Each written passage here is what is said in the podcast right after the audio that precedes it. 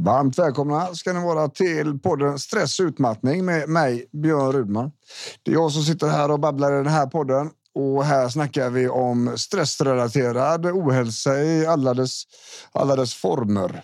Vill man eh, använda sig av det jag pratar om, mitt sätt att arbeta på som terapeut och, och känna på det lite på egen hand så rekommenderar jag www.stressrehabonline.se där jag min digitala eh, online-rehab och kurs och så där.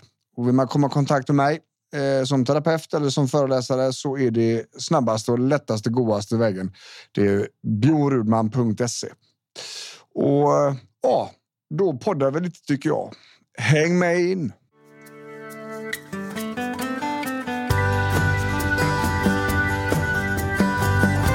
Ja, vad tror ni vänner? Ska vi podda igen eller? Jag tror vi gör det. Och jag tänker så här att vi ska prata om det man kallar för psykologisk motståndskraft idag. Motståndskraft är ju en rätt så bra grej, tänker jag. Eh, och om jag hade fått liksom säga en, eh, en, en psykologisk färdighet eller en förmåga som jag hade haft liksom som kanske viktigast av alltihopa, då skulle jag nog ha psykologisk motståndskraft på topp tre någonstans i alla fall, om inte högst upp. Och motståndskraft i det här perspektivet handlar om att vi ska vara motståndskraftiga mot eh, jobbiga och dåliga saker. Emot eh, reflexmässiga beteenden som sätter oss i skiten. Om eh, tankar som inte hjälper oss framåt. Om eh, känslor som är alldeles för stora.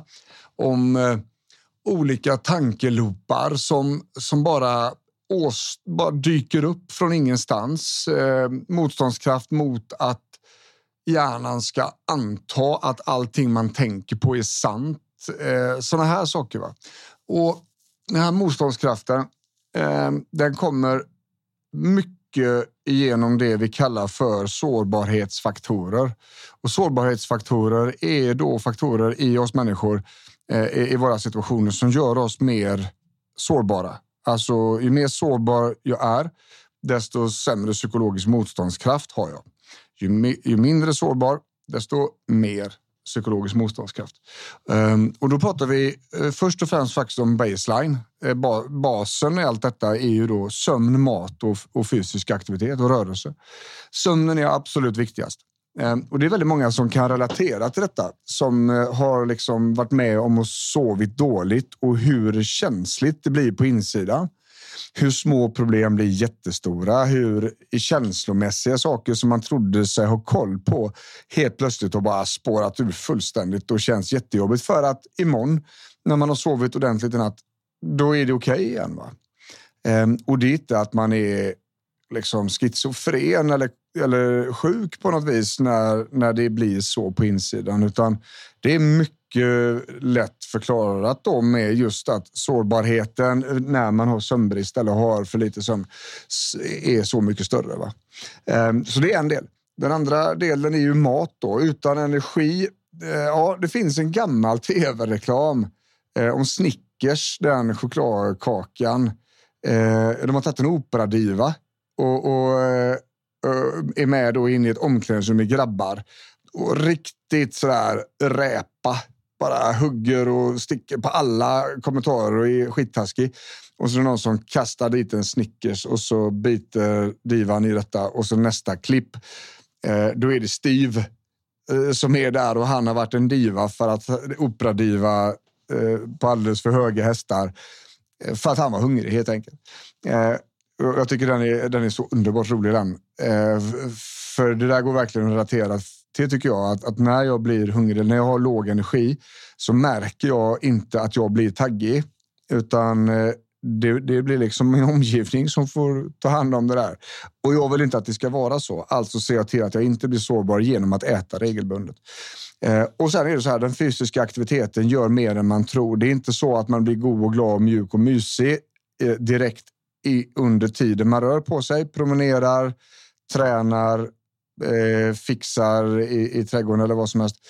Eh, utan det här är liksom det här är en katalysator kan man säga, liksom ett, ett sätt för mekanismen att fungera bra hela tiden, inte bara ibland. Va? Eh, så den fysiska aktiviteten är någonting som är viktigt även om man inte känner att man vill eller man, man kanske inte känner behovet av det ännu. Så de här tre. Och ju tuffare det är, alltså ju mer motståndskraft man har, eh, eller man behöver rättare sagt, ju mer motståndskraft man behöver, desto viktigare är det att de här tre grejerna är på plats. Är det någon av dem som har fallit så kommer det att bli mycket, mycket svårare att ha motståndskraft. Och ju tuffare situation, desto starkare motståndskraft behöver man ha. Ehm, så när jag får en fråga kanske från kompisar eller från patienter som har riktigt svåra situationer Eh, där det helt uppenbart inte finns en lösning direkt så brukar jag alltid börja med människan, med personen. Okej, okay, sover han? Nej, då börjar vi där. Vi skiter i allting annat. Vi ser till att det blir en ordentlig sömn. Eh, funkar inte den utan kemisk hjälp så får vi skaffa kemisk hjälp via sjukvården. För att sömnen är så galet högprioriterad att det går liksom inte ens att börja och beskriva hur viktig den här är. Va? Ehm, Maten ganska lätt att peta i sig någon form av energi åtminstone ett par gånger om dagen. Är aptiten negativt påverkad så kan vi kanske kombinera dricka lite av maten på något sätt eh, eller energin i alla fall och sen äta någonting litet. Eh, eller så fungerar maten alldeles utmärkt och man behöver bara se till att det kommer i regelbundet så är det alldeles utmärkt. Och den fysiska aktiviteten, ja, promenader och 30 minuter om dagen ihopbyggt, behöver inte ens vara samma tillfälle. Där är break-even. Kan vi röra på oss mer så är det antagligen bra. Eh, bättre om vi rör på oss mer. När jag tränar, eh, och jag tränar ganska mycket för jag har tränat under lång tid. Jag har tränat kampsport, kickboxning och thaiboxning sedan 1998. Eh, så jag är ganska van vid att träna och har gjort det här på ganska höga nivåer. Så min kropp behöver ganska mycket fysisk aktivitet. Eh, så jag tränar lite varje dag istället för ett par pass i veckan. Och jag, jag fystränar eh, nästan varje dag. Antingen på morgonen innan jag börjar jobba eller på lunchen när jag har liksom rast. Men det händer nästan varje dag. Eh, men det är inte särskilt långa pass. Om jag har gjort eh, en, en cirkelträning som många tycker om att göra, eh, kanske tre övningar, eh, då, då kanske jag kör alltså en minut per övning så tungt och så snabbt jag kan så att jag är helt trasig utav den här minuten. Sen går jag till nästa övning där det är en annan rörelse som är på ett annat ställe i kroppen och till den tredje. Eh, och det är inte säkert att jag kör två varv på det där, utan ibland så blir det bara ett varv. Jag är helt slut i alla fall. Och det räcker för mitt huvud, för min kropp att, att hålla igång alla processer och, och det här gör också att min medicin för ADHD som jag äter fungerar oerhört mycket bättre. Um, och, och, det här är någonting som förstärker min motståndskraft. Då, um, och det jag märker då på min egen personliga perspektivet är att min motståndskraft blir som mest påverkad när jag har en emotionell belastning över mig. Eh, om jag är i en konflikt med någon som jag tycker om till exempel eller eh, det, det händer någonting med flickorna hemma eh, som jag inte bara kan släppa utan som ligger där som en klump i magen. Den grejen påverkar mig väldigt mycket. Ehm, så att jag ligger ganska hårt och hela tiden kollar så att de här situationerna inte inträffar eller jag löser problemet väldigt snabbt om det har hänt. Liksom. Det kan handla om att ta tag i en konflikt snabbt. Det kan handla om att skapa kontroll i en situation snabbt. Men det här är någonting som jag har identifierat hos mig. Då. Eh, och där får man lura lite. Man får, man får smaka lite på sin egen situation och fundera. Vad fan är det som gör att jag får sämre motståndskraft här egentligen? Och, och har jag verkligen alla bitar på plats här som jag behöver? Och, och Ska man börja någonstans så hade jag börjat det är definitivt i änden av sömn, mat och träning.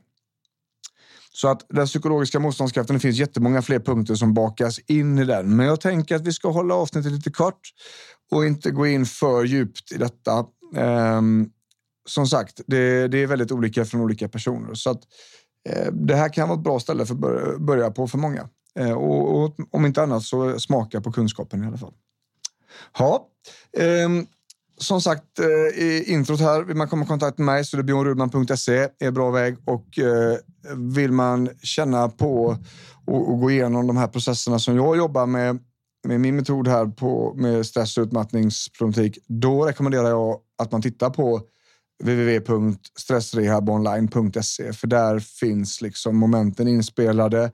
Där finns det alltså, många lektioner, många kapitel. Eh, där finns det hemuppgifter, där finns det liksom eh, formulär. Allt, det mesta som jag använder till mina patienter eh, om man skulle hitta någon form av medelpatient. Sådär. Det ligger där. Eh, kostar bara 89 spänn i veckan och jag rekommenderar det starkt. Det är många som är på det redan och eh, det, det där är en grej som jag kan stå för i alla fall. Ha, hoppas jag att ni får en jättegod resterande dag här så hörs vi snart igen. Dela gärna podden vidare och sätt lite betyg på lite goda ställen så, så blir jag också jätteglad. Ha det gött! Nej.